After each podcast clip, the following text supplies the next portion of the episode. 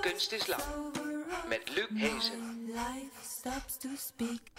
Ja, dames en heren, we zijn terug. Welkom bij een gloednieuw seizoen van Kunst is Lang, het interviewprogramma over hedendaagse kunst in samenwerking met online kunsttijdschrift Mr. Motley. Ontzettend fijn, dankzij de ruimhartige steun van het Amsterdams Fonds voor de Kunst en het Prins Bernhard Cultuurfonds gaan we maar liefst 40 nieuwe afleveringen maken. Ja, dat wordt leuk. Eh, je hoort ons elke week hier live op Amsterdam FM. eh, en ook wel vanuit de studio, vanuit het mooie Vondel CS, midden in het Vondelpark in Amsterdam. Heb je dat gemist, dat luisterdeel, dan kun je terugluisteren op de site van Mr. Motley. En natuurlijk je oude vertrouwde podcast. Maar behalve luisteren kun je ons ook weer zien. Namelijk via een livestream op Facebook. En naderhand via Motley en YouTube. En we verwelkomen onze nieuwe partner ArtTube. Dat is YouTube, maar dan met art. Het online videoplatform voor kunst en design. Arttube.nl dus, ook daar zijn we te zien. En alsof dat allemaal nog niet mooi genoeg is, hebben we een nieuwe visuele toevoeging aan de uitzending. Er zit namelijk naast de kunstenaar die te gast is, nog een kunstenaar bij ons. En die maakt werk op basis van dat gesprek. En dit keer is dat Aafke Bouwman. Ze maakt fantastische illustraties. We zijn heel blij dat zij dit seizoen wil aftrappen met ons. En eh, dat wordt een hele mooie eh, visuele toevoeging. Zij gaat luisteren en kijkt wat er uit haar handen vloeit. En zoals altijd sluiten we af met een project dat op Voor de Kunst staat. Het crowdfund-platform voor de creatieve sector. Kortom, het wordt een heel groot feest. Welkom bij een nieuw seizoen. Kunst is lang. Met Luc Hezen. En mijn eerste gast, ja, die is Barbara Visser. Ze was de afgelopen jaar artistiek directeur van het documentaire festival ITVA. Voorzitter van de Academie van Kunsten geweest. Is docent en beeldend kunstenaar uiteraard. Bekroond met een hele lange waslijst aan prijzen. Eh, zij gebruikt verschillende media. Foto's, tekst, video's, installaties, performances. En wat die werken meestal gemeen hebben... is dat ze gaan over de onzekere verhouding tussen iets registreren... en er een dramatisch werk van maken, het fictionaliseren maar ook over bijvoorbeeld de betekenis van het origineel en een kopie. En over hoe vorm wordt gegeven aan onze geschiedenis en ons geheugen. Klein voorbeeld om dit een beetje te illustreren. In 2015 maakte zij de film Manual to The Patient Artist. Op een groot scherm zie je dan vier van haar eerdere videowerken in een verder zwart decor. En tussen die fragmenten door beweegt een acteur die eh, stukken voorleest uit het psychoanalytisch dossier over Barbara Visser. Zo komen we iets te weten over de kunstenaar zelf, of over de manier waarop de therapeuten naar haar kijken, of over de manier waarop de kunstenaar wil dat we naar kijken. Hoe dat precies zit, daar gaan we het straks over hebben. En momenteel legt ze het laatste hand aan een film over Who's Afraid of Red, Yellow and Blue van Barnett Newman. Het schilderij dat in 86 in het stedelijk heel zwaar beschadigd werd, vernietigd eigenlijk, met een verfroller en rode muurverf op een achternamiddag tussen aanhalingstekens is gerestaureerd. Nou, je zou kunnen zeggen, het is toen opnieuw vernietigd. Wat doet dat met de betekenis van het werk? Daar gaan we het over hebben. Dus zomaar alvast twee thema's: een herhaling en kopie van Vissers eerdere werk. En de vraag hoe identiteit en de waarde van kunst tot stand komt. Nou, dat is een hele mond vol. Eh, Barbara, welkom. Ja, eh, nou, ik eh, zie het met angst en beven tegemoet. Ja, hier gaan we het allemaal over hebben. Eh, maar allereerst, jij was een eh, jaar lang artistiek directeur van ITVA. Dat festival is nu achter de rug. Hoe voelt het om weer hoofdzakelijk kunstenaar te kunnen zijn? Nou, ik ben nu nog met de afwikkeling bezig. Mhm. En dan is het even kerststop, zeg maar. Dus ik ben nog niet helemaal fulltime kunstenaar. Maar ik moest tussen de bedrijven door wel al even aan een postertje werken voor de film. Dus eh, ik zit er wel een klein beetje in. Ja, en hoe, hoe wordt die? Geef eens een sneak, peek. Op de radio even uitleggen hoe de poster eruit ziet. Ja, we, we gaan helemaal over kunst praten. Nou ja, het gekke is dat filmposters eh, altijd staand formaat hebben, terwijl films eh, liggend zijn. Die zijn altijd heel breed. En helemaal deze film hebben we gekozen voor een beeldformaat dat heet letterbox. En dat is, dat is extra breed, dus bij een soort cinemascoop breed. Eh, omdat het de verhouding heeft van het schilderij waar de film over gaat. Who's Afraid of Red, Yellow and Blue. Ja. Eh, maar voor, eh, voor het eh, affiche moest ik dus een staand beeld kiezen. En dat, dat had ik niet. In ieder geval geen beeld wat ik goed genoeg vond. En toen heb ik gewoon een beeld wat ik fantastisch vond op zijn kant gezet. En toen had ik het ook. Wauw.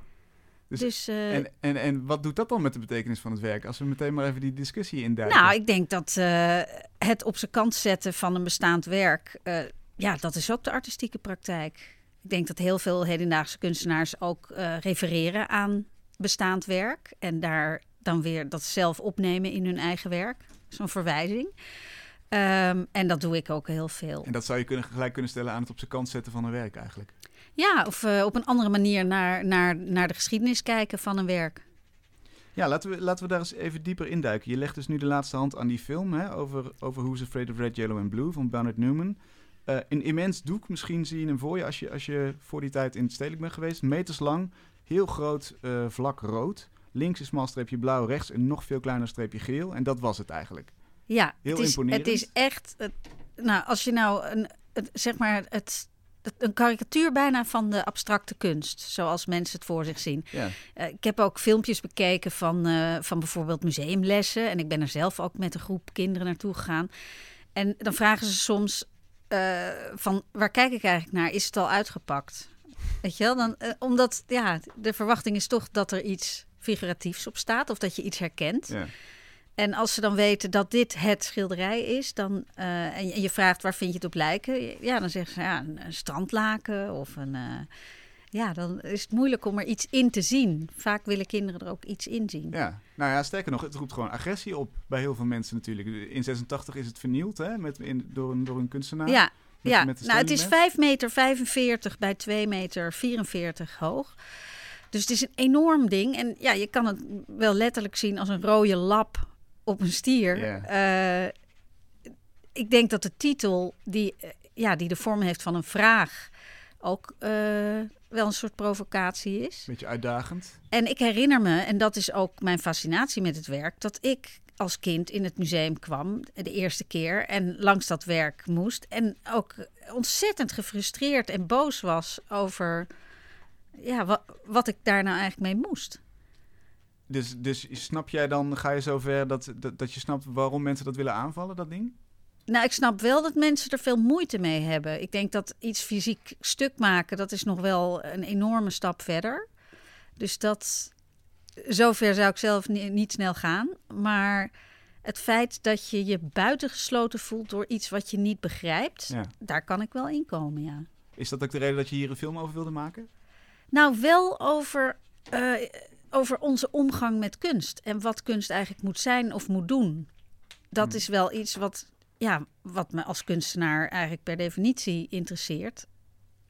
Waar, waarom maak je wat je maakt en waarom maak je andere dingen niet? En waarom hangen sommige dingen er wel en andere dingen niet? En nou ja, ook de, de controverse die ontstond toen het werk kapotgesneden was en later gerestaureerd werd en mensen zeiden de magie is weg. Dat vond ik eigenlijk het mooie gesprek wat je hebt over kunst. Namelijk, wat doet het met je en hoe komt dat? Ja, want nog, e- misschien heel even nog de geschiedenis van het werk schetsen. In 86 vernield. Ja, Toen, toen is er door de kunstenaar iemand aangewezen, een Amerikaanse restaurateur. nee, niet door de kunstenaar, door het museum. Oké, maar de kunstenaar had vertrouwen in hem, toch? Die- Oh, sorry, de, de kunstenaar van het Barnett doek. Newman, ja. Eh, nee, die leefde niet meer. Die leefde niet meer. Maar er was wel een briefje wat hij voor zijn dood had geschreven. Waarin stond: Mocht er ooit iets met mijn werk gebeuren, dan is deze man, deze Amerikaan, is degene die, het, eh, die mijn werk goed kent. Ja. En eh, die is het ook geworden. En die heeft niet op een achternamiddag eh, de roller gepakt. Maar die is echt jaren bezig geweest met iets wat, waar andere restauratoren hun vingers helemaal niet aan wilden branden. Want het was echt met enorme halen van een mes was het helemaal eh opengereten. Mhm. En ehm, die heeft jarenlang echt monnikenwerk verricht om dat allemaal onzichtbaar weer aan elkaar te, te breien, als het ware. En eh, ja, toen, toen dat klaar was, moest hij het retoucheren. En bij dat retoucheren is waarschijnlijk iets gebeurd waardoor hij dacht: nou ja, je blijft het gewoon zien. Er is gewoon niks aan te doen. Eén ding wat ik in de film heb ontdekt. En, en, en dus nog heel even afmaken Ja? wat hij gedaan heeft. Hij, hij, heeft dus, hij is gewoon met de verfroller eroverheen gegaan. Hij heeft Uiteindelijk heeft hij er een dekkende laag op overheen gedaan in één kleur om het gewoon weer strak te trekken. Ja. Eh, maar dat is in, in kringen van, van restauratoren is dat echt een not done. Je Hmm. kan niet aan, aan delen komen die, waar niks mee is. Dat is de afspraak. En de andere afspraak is dat je altijd zo werkt dat je het er ook weer af kan halen. En hij heeft een hele agressieve verf gebruikt die je er helemaal niet af kan halen. Dus dat is natuurlijk vrij extreem. Maar ik ontdekte wel bij het maken van die film, deed ik allerlei onderzoek en experimenten. Waaronder dat ik een kopie liet maken door een jonge schilder, Renske van Enkevoort, een hele goede schilder. Die eh, vroeg ik om een kopie te maken. En terwijl we daarnaar keken en daarmee bezig waren, ontdekte ik dat hij nooit het had kunnen retoucheren op een manier dat je het niet zou zien. Omdat olieverf in de tijd eh, gewoon nog van kleur verandert. Dus als hij een perfecte eh retouche had gemaakt, dan was dat misschien op het moment van levering wel precies goed geweest. Maar dan was dat maanden daarna steeds meer gaan verkleuren. Dus dan zou je steeds meer gaan zien waar het probleem zat. En, en jou interesseert de vraag, hoe doe je dit? Hoe retoucheer je dat zo? Of hoe, hoe restaureer je het zo dat het, dat het werk overeind blijft? Of is dat per definitie niet mogelijk? Nou, eh, een van de vragen die we in de film ook stellen met een groep eh, studenten die restauratietechniek studeren, vooral vrouwen, ik weet niet waarom, maar het is een vrouwenberoep. Hmm. Eh, wat moet je nou doen als er zoiets gebeurt? Moet je, moet je zo'n doek laten zoals het is en zeggen: ja, dit is ook een hoofdstuk in het leven van het schilderij, het is kapot. Moet je eh, het zo, het zo eh, weer, weer aan elkaar naaien dat je nog wel litteken ziet? Dat Ja. je zegt: nou ja, het is de geschiedenis.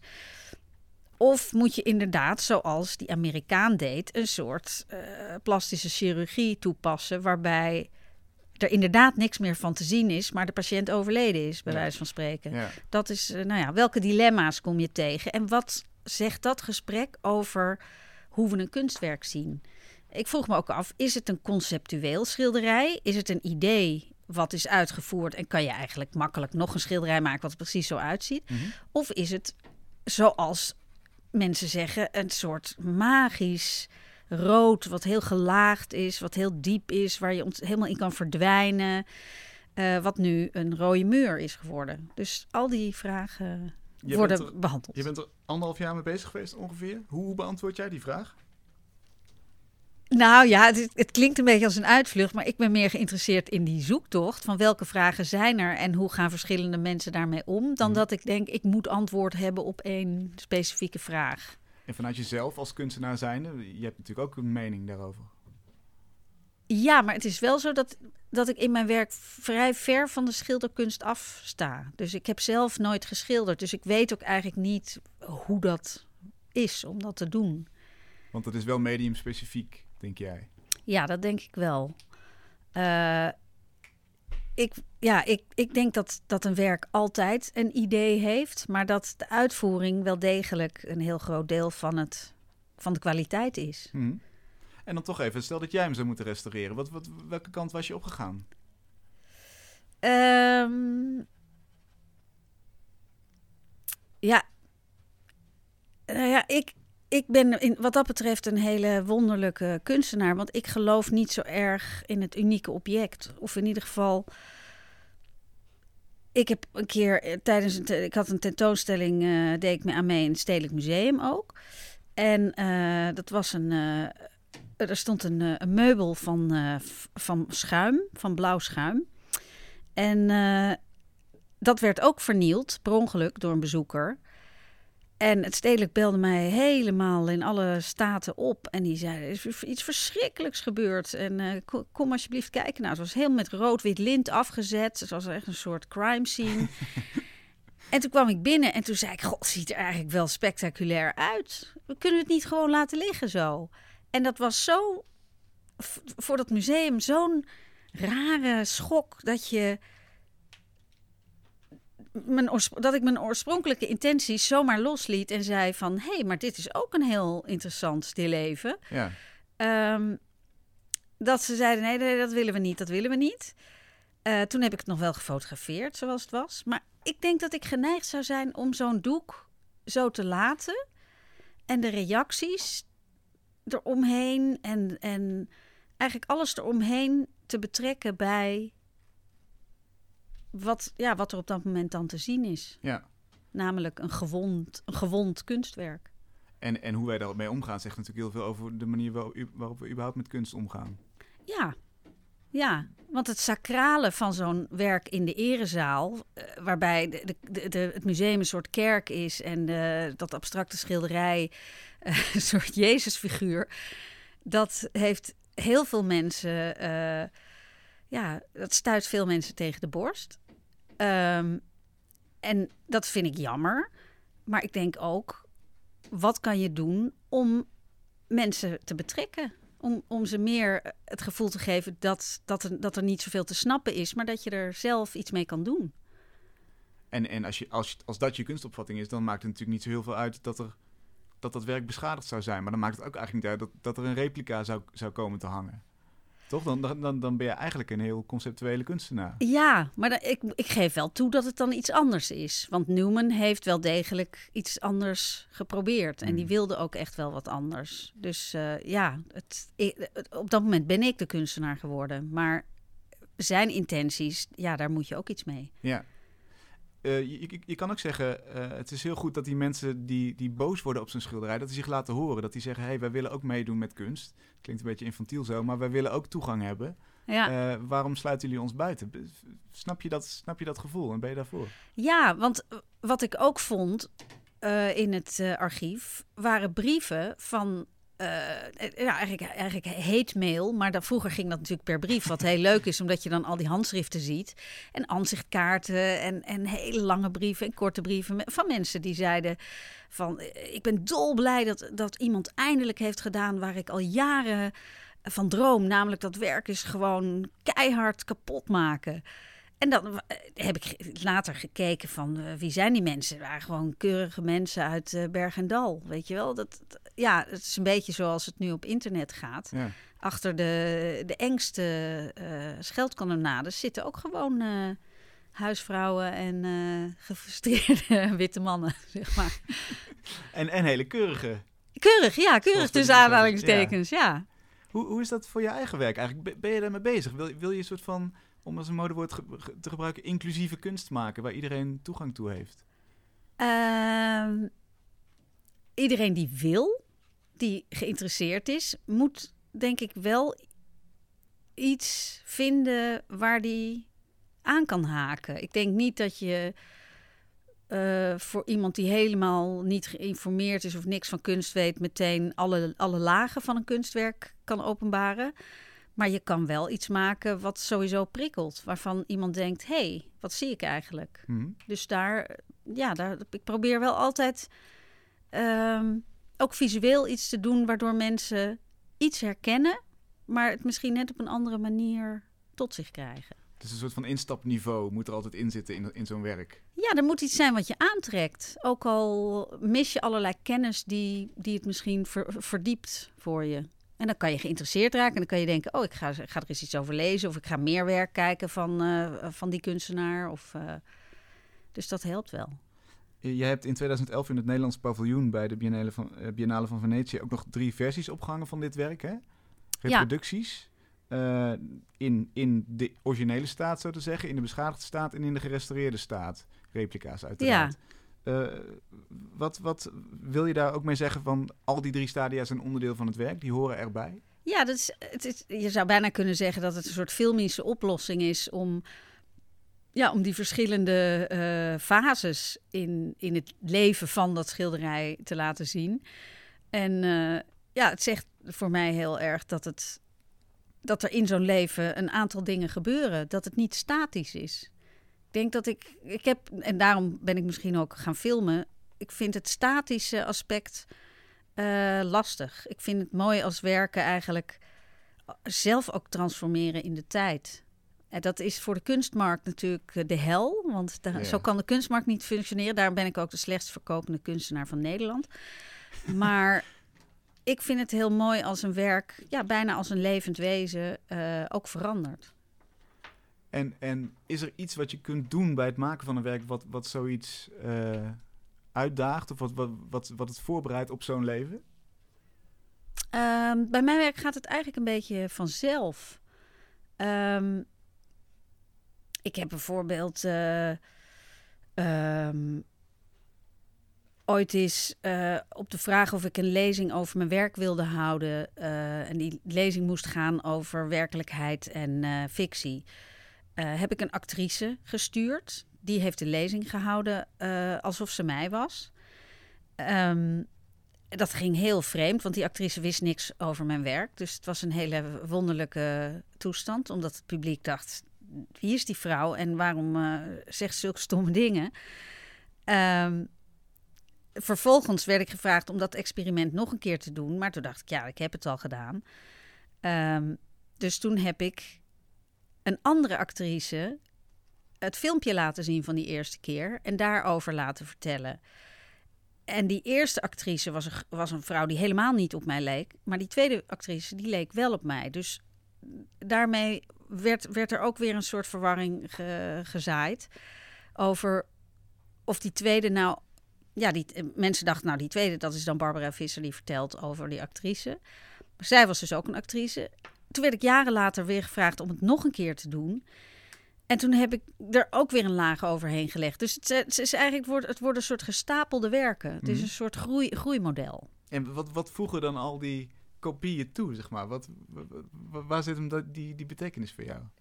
Eh, nou, ik vind het wel mooi als je als de geschiedenis niet iets is wat ligt te verstoffen in een la of, eh, eh, of in het depot van een museum, maar dat het iets is wat je meeneemt in een volgend stadium. Dus in die zin is het ook, is het eerder dan terugkijken, is het de geschiedenis naar het heden halen. Ja. En daarmee weer iets proberen te zeggen. En eh, zeg je daarmee ook dat, dat, dat hoe verder iets in het verleden ligt, hoe, hoe meer het wegzakt en hoe minder het van belang is? Het is ook een soort van urgent maken natuurlijk, door het terug in de tijd naar het nu te trekken. Ja, het is misschien ook wel in de letterlijke zin conservatief dat je dingen bij je wil houden of dingen wil vasthouden. Ehm, maar ja, sowieso het hele idee van geschiedenis of, of, of objecten die we maken om dingen te onthouden, is natuurlijk al een soort, ja, is het fictionaliseren van onze eigen geschiedenis. En dat, dat vind ik wel heel mooi dat we dat doen. Ehm, en ik vind ook dat ik vind het mooi om dat te erkennen. Om daarvan te zeggen dat doen we. En dat is eigenlijk onze eh, ja, aandoenlijke poging om, om iets vast te houden van waar we geweest zijn. Ja. Aandoenlijk is wel een, is wel een mooi woord daarin, ja. Dus dat, eh, gedoemd te mislukken ook, uiteraard. Ja, Je vecht tegen de bierkaai natuurlijk. Uiteindelijk verliest iedereen het. ja, nou ja, ik heb ook wel eens een, eh, een socioloog of een antropoloog, wie was het? Gerard Rooijakkers? Nee, misschien is hij wel etnoloog. Eh, Een loog in ieder geval. Ja, die zei eh, dat, dat eigenlijk onze geschiedenis veel duidelijker wordt weergegeven door ons afval dan door onze kunstschatten. Als je over honderden jaren gaat kijken van god, wie waren die mensen in 2017? Dan kan je kijken naar eh, het goud en het zilver, maar je kan ook kijken naar eh, de blikjes cola en eh, de plastic bekertjes. En nou ja, als je het over cultuur hebt, cultuur, je hebt natuurlijk de neiging om alleen de, de highlights te bewaren. Net als je foto's maakt van verjaardagen in plaats van de foto wanneer, wanneer iemand ziek in bed ligt. Maar eigenlijk is is, is het allebei belangrijk. Ja, ja zeker. Heb jij een idee bij, bij welke stroom jou, jou, jouw werk het liefst zou moeten horen? Moeten die bij de highlights of, of bij de, de gebruiksvoorwerpen? Ehm, oh, dat is wel een gewetensvraag. Eh, nou ja, iets wat toch wel veel kunstenaars ook doen, is dat ze de alledaagse dingen proberen in het bijzondere te trekken. Dus ja, eigenlijk, eigenlijk probeer je het toch weer allebei te Je doen. wil ze allebei? Ja. Alle- ja. Ja. heel goed. We gaan even naar Aafke. Die zit eh, driftig eh, eh, te tekenen. Ik hoor allerlei, eh, eh, ja, wat zijn het? Stiften, denk ik, hè? Aafke, klim even naar de microfoon. Wat, waar ben je nu? Wat heb je? Ik, eh, ben, eh, ja, ik ben aan het visualiseren wat er gezegd wordt. Op een eh, abstracte manier eigenlijk op dit moment. Heel goed. Ehm, en er worden mooie dingen gezegd. eh, mooie beeldende woorden. wat Dus, wat eh, valt erop? Noem eens iets. Ja, gelaagdheid. eh, toch ook wel veel over het werk in het begin, over Barnett Newman. Dus ik heb ook veel gebruik gemaakt van ja, rood, blauw en geel. Ehm, Omschrijf even wat er voor je ligt, voor de, voor de mensen Ja. die luisteren. Ja, we zien hier het werk van Barnett Newman. Eigenlijk was dat het begin van een tekening. En die is ook letterlijk op zijn kant gedraaid, omdat we het hadden over de poster eh, waar eh, Barbara mee gespeeld had. Ehm, en ik heb een trap getekend, omdat eh, het werk ook wel voor haar een, hoog, een hoogstaand werk is. Dus ik vond dat weer een mooie verbeelding. Ja, zeker. Ehm, ik hoorde op een gegeven moment het woord van de. ehm, dat jij een werk had in het stedelijk staan en dat daar een lint omheen stond. Dus dat lint heb ik verbeeld. Eh, en de. Ja, de. Toch de, de vernieling van het werk van Barnett Newman ook. eh, heb ik de, eigenlijk de scheur verbeeld. Maar die, wordt, die transformeert dan weer naar een mond. Omdat we het erover hebben. Dus het komt uit onze mond. En eh, ja, toch die transformatie. Ik, ik hoor ook vaak het woord, niet letterlijk transformatie, maar ook eh, waar het ging over de actrices die ingehuurd worden. Vond ik dat ook wel een, eh, een beeldend interessant woord. Ja. Is dit trouwens een werkproces wat, je, wat jij vaker doet? Zet je wel eens de radio aan en ga je op basis daarvan iets maken? Of is het Ehm, helemaal nieuw? Nou, ik begin eigenlijk niet, nog niet vaak heb ik dat gedaan dat ik zo begin. Ik begin wel vaak met tekst.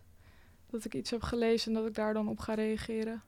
Maar dit is voor het eerst dat ik echt eh, op geluid reageer, ja. Nou, heel leuk. Spannend. Ja. Ik ben heel benieuwd wa- wat je nog meer gaat maken. Eh, we beginnen een nieuw blok. Begin jij dan een nieuw vel of hoe werkt het? Eh, nee, ik ga verder met dit vel, maar ik ga wel eh, hier weer op reageren en op wat er gezegd wordt. Dus Oké, te gek. Nou, dankjewel. Ga lekker verder, Ja. zou ik zeggen. Barbara, herken jij dingen al van... eh, dit- dit zou zomaar een nieuw filmposter kunnen worden, zit ik me ineens Nou ja, ik zit te kijken zeg. Maar ik, ik durf nu ook eh, niet meer te praten, omdat ik denk, oh, kan ze daar wel iets mee? Oh, zo. Ja, ja, ja, ja zeker. Ja. Roep even een paar keer geel, dan kan ze geel gebruiken. Ja, ja, ja. Leuke kleur erbij. Hey, ik beschreef eh, aan de hele lange inleiding aan het begin van de uitzending al de setting van, eh, van jouw film, Manual to eh, the Patient Artist uit 2015. Hè? Videofragmenten eh, uit je eerdere werk en een acteur die voorleest uit jouw psychoanalytisch dossier. Ik had daardoor een beetje het gevoel dat ik jou al kende van tevoren. Dat je nu, nu hier zo zit dat ik weet, oh ja, ik weet al wat voor, voor type jij bent, want ik heb naar dat werk gekeken. Is dat terecht? nou, je, je, je weet in ieder geval hoe, eh, hoe eh, een, eh, een psychiater naar mij kijkt. Ja. En dat zijn echte teksten, daar heb jij niks, niks aan veranderd. Nee, maar ik heb wel een keuze eruit gemaakt. Mhm. Want het, het was nog wel wa- wat langer dan dit. Ehm, het was, oorspronkelijk was de vraag of ik een tentoonstelling wil- wilde maken die een zelfportret was. En eh, eh, voor een kunstruimte in Londen. En eh, die curator die vroeg of ik een aantal werken wilde laten zien waar ik zelf in voorkom. Want ik heb bijvoorbeeld ook wel eens een gastrol gespeeld in een Litouwse soapserie als kunstwerk. En nou ja, ook zeg maar in, in, in het begin van mijn carrière was ik, was ik daar veel mee bezig. Van ja, wat, hoe representeer je jezelf? Of hoe representeren mensen zich? En Mhm. wat betekent dat? Ehm, en toen dacht ik, ja, oude koeien uit de sloot halen, oude werken laten zien. Daar had ik eigenlijk niet zoveel zin in. Ehm, en toen, de, toen bedacht ik van, goh, wat zou, er, wat zou er eigenlijk in dat dossier staan? Want dat, dat lees je zelf nooit. Dat is iets wat achter de schermen gebeurt als je, als je in therapie gaat, bijvoorbeeld. Ja. En ehm, ik was dus benieuwd hoe ja, een, een portret of een zelfportret. Het, het, is een, ja, het loopt een beetje door elkaar. Want je, hoe anderen je zien, bepaalt, dat bepaalt ook wie je bent, vind ik. Hm. Het is niet alleen maar ja, een zelfbeeld. Dat is eigenlijk zoiets. Vind ik eigenlijk heel abstract. Want vaak hoe je, hoe, hoe je denkt dat je bent of hoe, hoe je, en hoe, hoe je op anderen overkomt, dat is ongelooflijk. eh, er zit een ongelooflijk verschil tussen. Ja. Ehm, dus ik was heel benieuwd en ik eh, vroeg eh, eh, fluitend dat dossier op. En dat was, het was al jaren oud, dus ik dacht ook van, nou grappig om dat eens terug te lezen. Ja. En nou, toen ha- had ik zes weken gewacht en 17,25 betaald. En toen, toen kreeg ik het dan. Het was toch wel best een dik pak papier. En toen kon ik natuurlijk niet laten om het, om het toch meteen te gaan lezen. En dan schrik je je echt kapot. De, de teksten zijn eh, ronduit negatief. Nou Dat ja, je, de, is, je denkt gewoon, eh, die vrouw is knettergek. en eh, misschien ben ik dat ook wel. Maar Je hebt het wel aan de het is wel heel gek dat, dat, dat dingen in je karakter waarvan je denkt, ja, dat hoort gewoon bij mij. En eh, soms heb ik er last van en soms niet. Dat wordt echt beschreven als, als eh, pathologie, als gewoon, eh, ja, dit is een, eh, dus iemand die heeft echt grote problemen. Ja, nou, ik heb even een bloemlezing gemaakt. Oh mijn god. Je zou eh, slecht kunnen omgaan met hoge, eh, een hoop prikkels en stress uit het dagelijks leven. nou, dat lijkt me heel menselijk. dat, nou, nog niet relativeren. Neiging tot emotionele uitbarstingen. Minder dan andere mensen in staat om met obstakels om te gaan. Ik vind het nogal... eh, Ja, ja, er staan heftige dingen in. ja, zeker. En vooral, het kwam continu terug, minder dan andere mensen kun je dit. Of, of minder... Ja, maar wie zijn die andere mensen dan? Dat vind ik ook zoiets Ja. eh, wonderlijks. Maar, is dit, een- was dit een zelfonderzoek? Wat, wat, wat, waarom jezelf zo, zo eh, blootgeven eigenlijk? Nou, de vraag die ik ook stel is: geef je jezelf daarmee bloot? Want dit is hoe iemand anders jou ziet. Dus in feite, het, het is wel heel confronterend als iemand het over je schrijft. Maar tegelijkertijd denk ik, ja, dat is wat zij hebben gezien. En hoe waar is dat dan? Ja, precies. Je trekt Want ook bijvoorbeeld, autoriteit misschien Ik ja, ik moest daar een Rorschach-test maken. Nou, ik weet niet of je weet wat dat is, maar dat is zo'n inktvlekkenboekje. Mhm. Waar, waar je dan ehm, iedere keer zo'n vlek voor je krijgt en dan moet zeggen ja, wat je daar allemaal in ziet. En ja, ik, ik zei, nou, dat, dat is te moeilijk voor mij. Want dat, ik ben kunstenaar en ik werk natuurlijk met beeld. Dus ik kan er van alles in zien. Ik kan er allerlei fallische symbolen in zien. Ik kan er allerlei dier, dieren in zien. Maar ik ben te bewust van, van beeld om daar onbevangen eh, iets mee te doen. Mhm. En het feit dat ik dat niet wilde doen, dat was voor hun echt een teken. Daar gingen echt alle alarmbellen van rinkelen. Psychopaat. Ja, en toen dacht ik, jongens, ik probeer gewoon iets uit te leggen. Maar het was bijna alsof je in een soort slechte film terechtkomt waar je probeert iets uit te leggen. En alles wat je zegt wordt dan tegen je gebruikt. Ja. Weet je, alles is dan, oh ze, oh, ze wil het niet maken. Nou, nou, dan is ze wel heel erg eh, van het pad. Nou, en toen dacht ik echt, wat is dit, joh? Dus, dus eigenlijk, eh, als ik je goed beluister, neem je het ook niet zo heel serieus wat eruit komt. Ehm, nee, bijvoorbeeld zo'n test. Daar denk ik echt van, dat is een soort koffiedik kijken waar ik van denk, nou, volgens mij is dat wel eh, passé. Maar even voor de goede orde, je, je, hebt je bent er wel naartoe gegaan, toch? Heb, daar heb je het misschien ook zelf voor betaald? Of, of zie ik het Nou, ik was wel verzekerd. Ja, ja, ja, maar... Maar, nee, maar ik ben er natuurlijk wel naartoe gegaan op een moment dat ik, dat ik het niet zag zitten. Dat Ja. ik echt dacht van, goh, hoe moet ik verder? Ja. Dat, dus ik had wel degelijk problemen. Het is niet En, dat en je ik... zag de waarde er ook van in. Dat, dat is ook eigenlijk waar. Nou ja, je, je krijgt dan al die tests omdat ze willen kijken wa- wat er met je aan de hand is. Ja. Ik denk, ja, ik denk, een goed gesprek is natuurlijk veel beter dan, eh dan eh 40 vragenlijsten invullen. ja, maar oké. Ja, ja, ja. dat, ja, dat is dan de manier waarop ze dat doen. Maar ergens zegt het ook iets over de autoriteit die eh, zo'n instituut heeft, of, of psychiaters hebben. En we zeggen dus blijkbaar, jij, jij bent bovengemiddeld in staat om, om in te schatten wat voor persoon ik ben. Ik vertrouw dat jou toe. Ja, ja, soms moet je wel. Mhm. Maar als je dan het resultaat leest, dan kan je ook afvragen.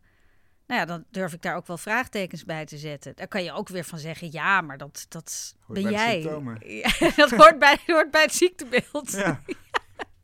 Ja, dat, dat, dat kan je doen, ja. Maar zeg je daarmee eigenlijk, eh, nou laat ik het open vragen, wie, wie, wie bepaalt wie jij bent? Bepaal jij dat zelf in, in eerste instantie of zijn dat, moet je dat door anderen laten afbaken? Nou ja, ik, ik denk dat eh, in mijn geval, en in het geval van veel anderen ook, dat wie je bent is een gevolg van, van, van een soort aanleg, van eh, de cultuur waarin je opgroeit, van het gezin waarin je opgroeit, van dingen die je overkomen. Ja, dat is ook een, een bewegelijk iets, Hmm. een, een zich ontwikkelend iets. En ja, dat, er, er zijn zoveel factoren die daarbij eh, een rol spelen. Dat de- ja, het is heel moeilijk om te zeggen: oh, dit is, dit is die persoon. De vraag is: is er een kern of is er een. eh, ja, maar ja, ik, ik, ik heb natuurlijk toch wel veel over gepraat met eh, psych- psychologen en eh, andere eh, types. En nou ja, die, dan, dan krijg ik bijvoorbeeld te horen dat een de hele vrije opvoeding, waar ik dan het product van ben, dat leidt tot bepaalde dingen, tot grenzeloosheid of tot. Eh, weinig eh, basisgevoel, weinig eh, kompas. Nou ja, ze hebben allemaal van die woorden hè, Hmm. daarvoor. Maar dat zou dan wetmatig zijn, zeg maar. Dus dat, daar zitten wel, dat is bij zoveel mensen waargenomen dat het wel... dat ja, er zitten wel patronen in. Ja. Maar, maar dan, dan is natuurlijk de- ook de vraag binnen de context van dit werk. Hoe, hoeveel, hoeveel neem je daarvan aan? En, en wat, wat zijn andere factoren die nog meer jouw, jouw beeld bepalen? Is, is dan bijvoorbeeld jouw werk, wat in, het, in dezelfde film zit, ook zo'n factor? Dus zeg maar de opeenstapeling van al jouw vorige acties? Nou, wat ik, wat ik wilde proberen is kijken wat er gebeurt als je, die, als je die werken laat zien die ik door de jaren heen gemaakt heb. En je hoort daarbij de tekst van dat dossier. Of je dan. Je, je gaat dat aan elkaar koppelen. Want zo werkt film. Je doet, een, je, je doet een geluid bij een beeld. En ineens lijkt het alsof het altijd al bij elkaar hoorde. Terwijl het los van elkaar is ontstaan. Ja. Dus dat vond ik, vond ik interessant om te proberen. En het, het werkte ook heel goed. Want ineens zag je in iets wat er eigenlijk heel grappig uitzag, zag je ook weer een soort gekte. Hm. En die was er anders niet. Dus dat is heel. Dat is natuurlijk de grote vraag. Maakt die verwevenheid van die twee sporen jou completer? Komt dat dichter bij wie jij echt bent? Of, of, of maakt het een, een soort raar bijproduct wat verder afdrijft van jouw kern? Hoe, hoe zou Nou ja, het zijn allebei elementen die, die ik uit de werkelijkheid haal. Maar uiteindelijk is het toch allemaal ook eh, een verzinsel. Ja, we ontkomen er niet aan dat alles wat we doen toch een verzinsel is. Ja. En ehm, je, je zou kunnen zeggen, als je dit als, als zelfonderzoek en zelfportrettering ziet, dat is een soort hedendaagse ziekte. Hè? Dat doet iedereen op social media. Iedereen is, is zijn eigen bedrijfje wat hij ook moet promoten. Hè? En, en Ja. waar, waar hij een gezicht voor moet ophouden naar de buitenwereld toe. Hoe, hoe kijk je vanuit dat perspectief naar dit werk? Ehm, ik heb het idee dat het daar heel weinig mee te maken heeft. Want nou, ik ben, ik ben eh, misschien iets te oud om, eh, om echt eh, social media kenner te zijn. Hm. Maar eh, zo'n werk wat ik maak is, gaat veel meer over onder, is veel meer onderzoek naar beeld en representatie en identiteit.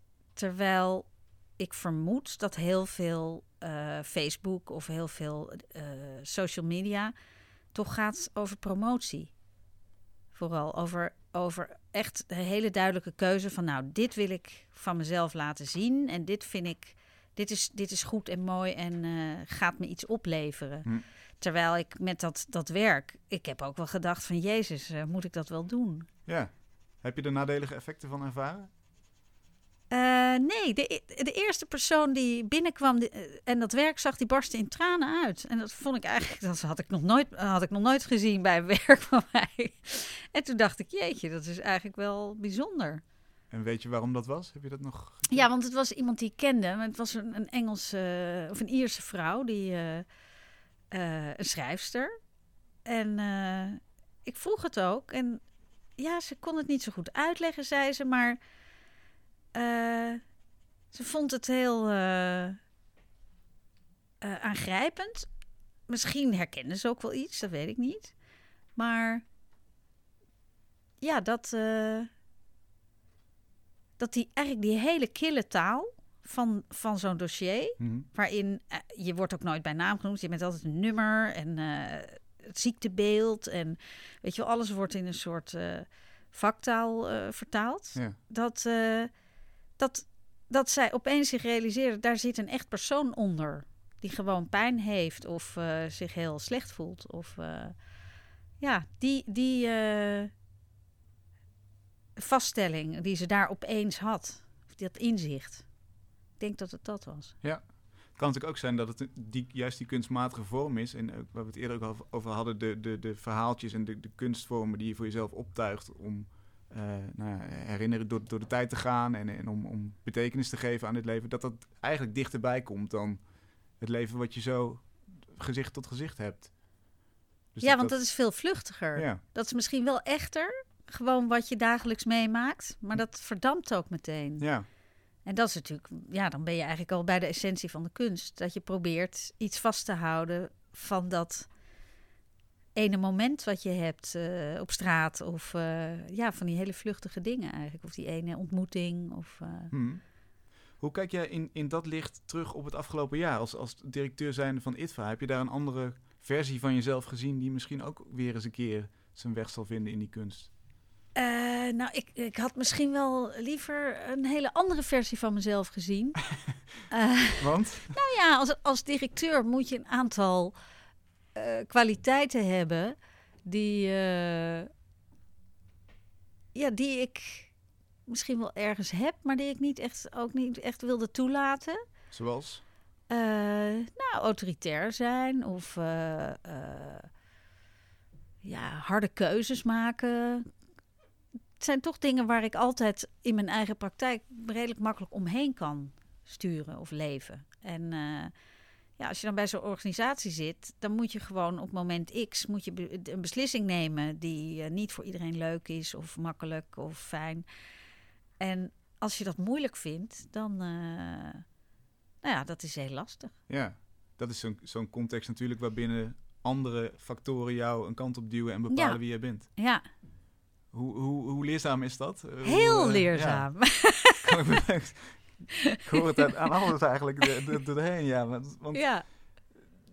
je, je, je ben, ben je, heb je dat ontwikkeld, dat autoritaire? Heb je dat kunnen, kunnen ontwikkelen? Nee, want ik, zo ben ik gewoon niet. En het is ook natuurlijk, je hebt heel veel manieren van leiding geven. En, en het autoritaire model is misschien ook wel heel ouderwets. En helemaal niet, eh, eh, ja, helemaal niet ter zake. Maar Hmm. ja, wel eh, ja, op die manier iets aansturen. Dat, ja, als je dat nog nooit gedaan hebt, dan is dat echt wel best moeilijk. Zeker als daar net 30 jaar iemand anders heeft gezeten. Ja, dat was de situatie. Hè? De, de- Ja. ja. En ik kwam binnen vanuit de beeldende kunst, waarbij toch wel logischerwijs mensen hun wenkbrauwen even omhoog gingen. Van, oh, oh, wacht even. Je komt de film instappen. Ja, ja. Nou was ik wel een bekende van het festival en heb ik heel, heel veel affiniteit met de documentaire.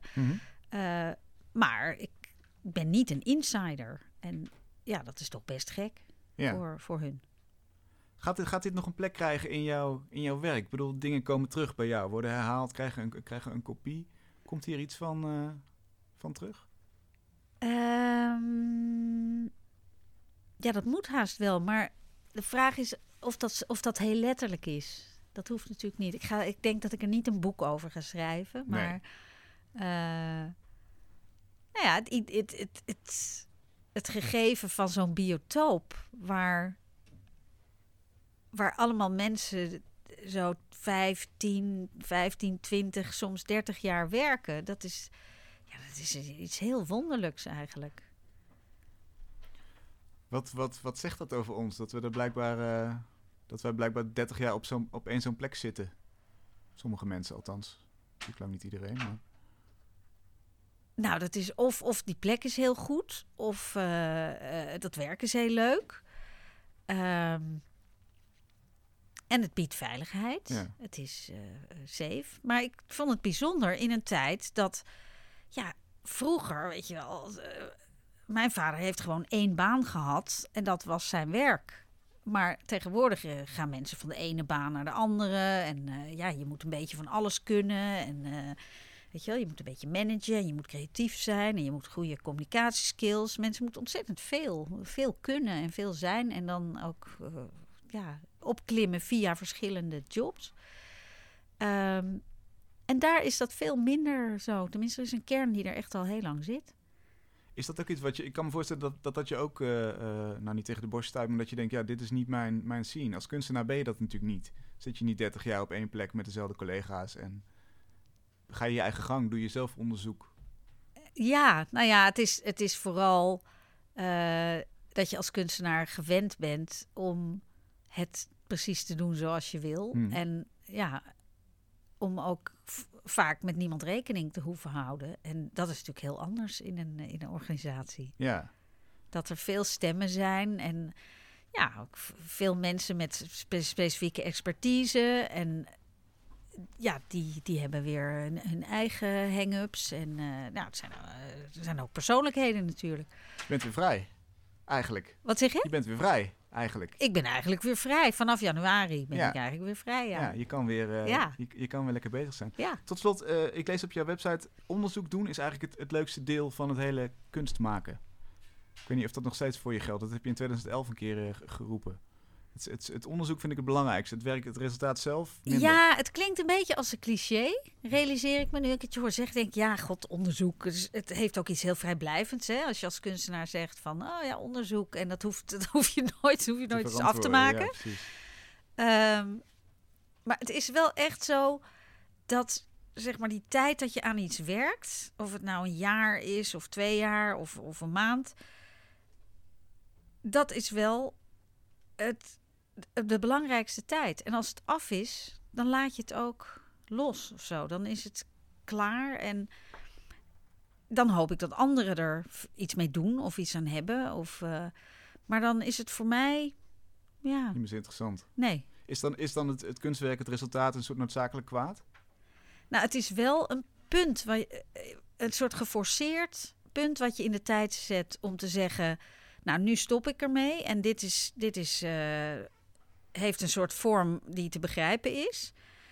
Ehm, maar echt af, ja, ik borduur er dan toch wel weer op voort. Dus Ja. echt af, ja, het is een kunstmatige manier van afsluiten. Oké, nou, eh, over afsluiten gesproken, allerlaatste vraag. Je, je hebt ook wel eens gezegd, vastleggen betekent ook fictionaliseren. Hè? Da- Daar begon ik ook eh, de uitzending mee.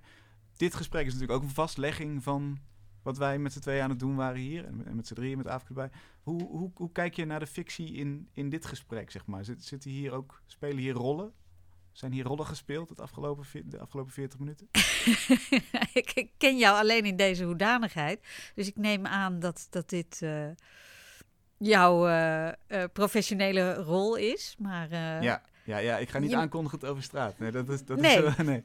En hoe, hoe kijk jij daarnaar voor jezelf? Nou, ik, pro ik, ik probeer wel om heel eerlijk te zijn. Ik probeer niet om eh, me anders voor te doen dan ik ben.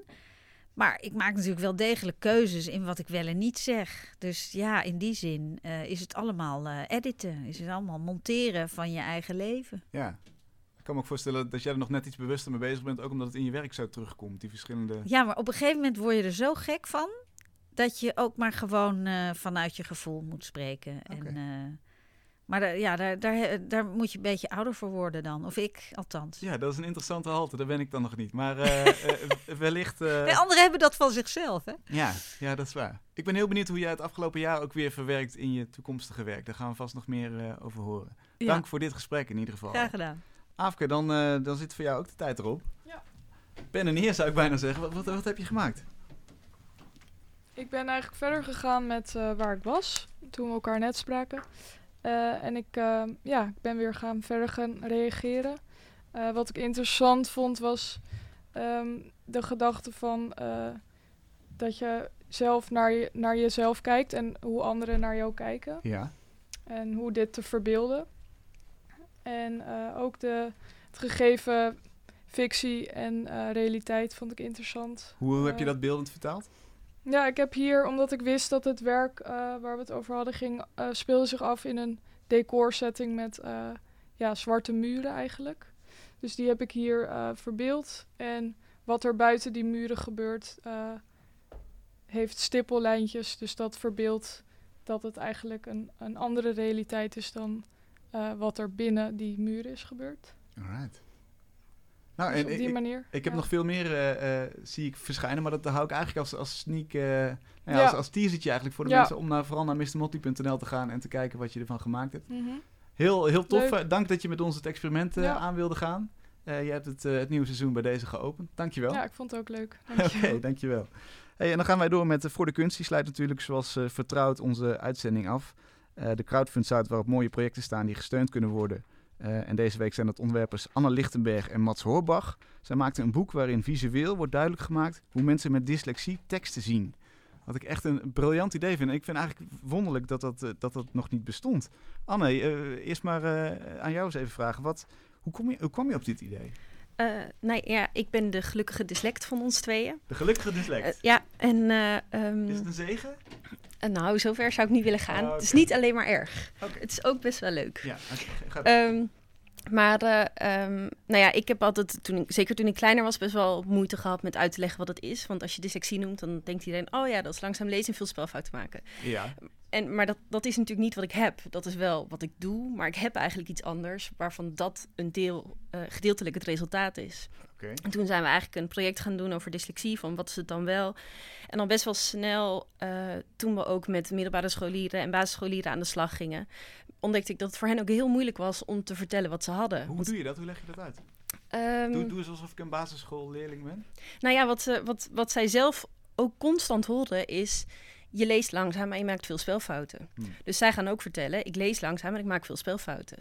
En op het moment dat je niet verder komt dan dat... kun je ook geen andere hulpvraag bieden. Terwijl wat we zijn gaan doen met dyslecten... zelf zijn we gaan kijken naar allemaal gekkigheden die we hadden. Bijvoorbeeld heel veel dyslecten halen links en rechts door elkaar... of eh, bijvoorbeeld of een tekst in of op het papier ligt. Als je een dyslect vraagt, zal die altijd antwoord geven... terwijl mensen denken, huh, de tekst is toch gewoon op papier gedrukt... dus er zit helemaal geen ruimtelijk element in. Maar op het moment dat je daarover start... herkennen ze opeens allemaal dingen... die Ah. blijkbaar ook toch iets met dyslexie van doen te Want, hebben. want wat, wat is het precies in de hersens? Laten we dat dan meteen maar uit de weg ruimen. Ehm, nou, dat, daarover is afgesproken in de wetenschap dat ze het niet zo goed weten. Er zijn een aantal verschillende onderzoeken die allemaal iets anders zeggen. Dus er zou een verbinding mis zijn, er zou een, een hersengebied onontwikkeld zijn, er zouden andere verbindingen gelegd worden, er zou iets in de kogeltjes in je oog verkeerd zijn. Er zijn heel veel antwoorden op. En eh, wat je ook ziet in de wetenschappelijke onderzoek heel vaak, dat de controlegroep iets anders zegt dan de basisgroep Oké. omdat er, ja, omdat er gewoon zoveel diversiteit is. Dus daarom wilden we ook wel de wetenschap gebruiken, maar niet zozeer nog een keer wetenschappelijk uitleggen wat het is, maar juist erover hebben hoe ervaar je nou taal? Wat, wat is het nou waar alle dyslecten tegenaan lopen, los van wat gebeurt er in hun hersenen? Ja, precies. Nou, en, en, en eh, dan zit hier ook nog jouw compaan. Jij, jij hebt geen dyslexie, hè? Nee, nee. Eh, snapte jij voordat je begon te schetsen en begon te werken waar het om ging? Nou, eh, wat me vooral is opgevallen is dat... eh, ik dacht ook dat het gaat om langzaam lezen en veel spelfouten maken. Ja. Ik bedoel, hè, dat is gewoon de archetype definitie ervan. Maar ik kwam bijvoorbeeld ook tegen dat Anne ook gewoon totaal niet leest wat ze net heeft geschreven. Maar altijd leest wat ze van plan was om te gaan schrijven. Dus als zij haar tekst naleest, nooit haar fouten ziet. Ja. Dus bijvoorbeeld in onze eh campagnefilmpje heeft zij de filmpje ondertiteld zonder spellingscontrole. Ja. En op het laatst staat er eh, in de ondertiteling dat, ze, dat wij de eerste 400 stuk willen drukken. Eh, alsof we die kapot willen maken. En ik vond het een hele leuke zin, dus ik moest lachen. En zij dacht, maar waar lach je nou om? Ja. En ik moest eh, het echt aanwijzen voordat zij pas zag dat er een fout in de zin stond. Anne, is het trouwens oké dat wij hier zo hard om lachen? Ja, ja, ja, het Dat is is oké. Ik, ben, jou, nee, eh, ik ben er heel erg aan gewend dat Ah, hier overal om gelachen wordt. En eh, ik kan er af- ook steeds beter zelf heel hard om lachen. Ja, ja, ja. Ja, het is eigenlijk gewoon een cadeautje. Soms is het gewoon een cadeautje, ja. Als, ja. je, als je er zelf ook zo relaxed in staat, wel Ja, natuurlijk. ja, ja. Hey, hoe hebben jullie het vormgegeven? Geef eens een paar voorbeelden van hoe je dat hebt aangepakt. Eh, nou ja, eh, ja, we hebben dus een boek gemaakt. Wat, want we hebben heel erg de talige beeldentaal gebruikt. Dus het boek is ook alleen maar zwart-wit. Eh, de tekst is alleen maar zwart. Alle beelden die niet met taal worden weergegeven zijn wit. Dus die komen uit het papier of zitten in het papier. Maar wat we gedaan hebben vooral ook is inhoudelijk schrijven wat er gebeurt. Maar de tekst zodanig vormgegeven dat hij ook doet wat we beschrijven. Ja, bijvoorbeeld zodat je het effect krijgt wat je Precies. Ja. veel dyslecten lezen bijvoorbeeld maar een kort stukje van het woord. En daarna kijken ze eigenlijk niet meer. Dus dan gokken ze wat er staat. Nou ja, dat hebben we ook laten zien door bijvoorbeeld de, de tekst weg te veden. Of veel dyslecten zullen herkennen dat als ze een stukje lezen, dat er dan het gevoel hebben dat de tekst gaat bewegen. Wat Mhm. we bijvoorbeeld met een eye-tracker ook echt getest hebben. Wat er dan gebeurt met je ogen. Maar juist dan eh, ja, denkt iemand, hoe, wat betekent dat nou dat de tekst gaat bewegen? Maar op het moment dat je laat zien dat als er gewoon kleine verspringingen in zitten, hoeveel zwaarder het dan is om te lezen. Nou ja, dus zo kun eigenlijk, je moet je eigenlijk voor je zien dat de teksten deels over elkaar heen gedrukt zijn. ook, en bijvoorbeeld ook reeksen van alleen het woord dyslexie of het woord fonetisch. En dan ook als niet-dyslecten dan allemaal verschillende spellingsopties zien, dan gaan ze erover twijfelen. We hebben bijvoorbeeld één prent gemaakt met gewoon een, ja, een hele lijst met dyslexie, wat al niet een heel makkelijk woord is. het woord dyslexie. Precies, Ja. en dan hadden we allemaal mensen in de studio tijdens de laatste Dutch Design Week. En dan is hele gesprekken erover, ja, dan zal het wel de eerste zijn. Gewoon dat dat de eerste is die ze zien, gaan ze ervan uit, nou, die zou dan wel goed zijn. Want het is dan, opeens wordt het moeilijk om de goede eruit te halen. Want je woordbeeld wordt bevraagd. Terwijl voor elke andere weltalig persoon is het automatisch wat goed is. Behalve als je erover gaat nadenken, dan wordt het gek. Wat, wat was, eh, eh, Mats, voor jou de, de, meest, de, de grootste eye-opener? En, en hoe, is die, hoe is die vertaald naar beeld? Ehm, nou, wat eh, ook een hele grote eye-opener is, is we hebben bijvoorbeeld een keer een expositie voor, eh, vormgegeven over dyslexie met allemaal dyslectische kunstenaars. Mhm. En als je dan iemand opbelt van hoe laat ben je hier, in plaats van dat ze kwart over één zeggen, dan beginnen ze een heel verhaal over de hele dag en wat er allemaal gaat gebeuren en wat er allemaal is gebeurd. Heel warrig omdat ze zo in beelden denken, dat ze een filmpje in hun hoofd zien, dat ze eh, zoveel meer informatie geven. En wat we bijvoorbeeld in een boek hebben gedaan, is dat we niet alleen het boek, eh, de tekst wat erin staat, als informatie geven, maar ook hoe het boek eruit ziet. Hoe eh, de informatie om het boek heen, al het beeldende eromheen, eh, dat hebben we geprobeerd om ook eh, te verwerken. Omdat dat ook informatie is wat dyslecten gebruiken om zo het talige eh, te onthouden, ja, bijvoorbeeld. precies. Dus eigenlijk heb je een, een, een expres een overload van informatie in het boek gestopt.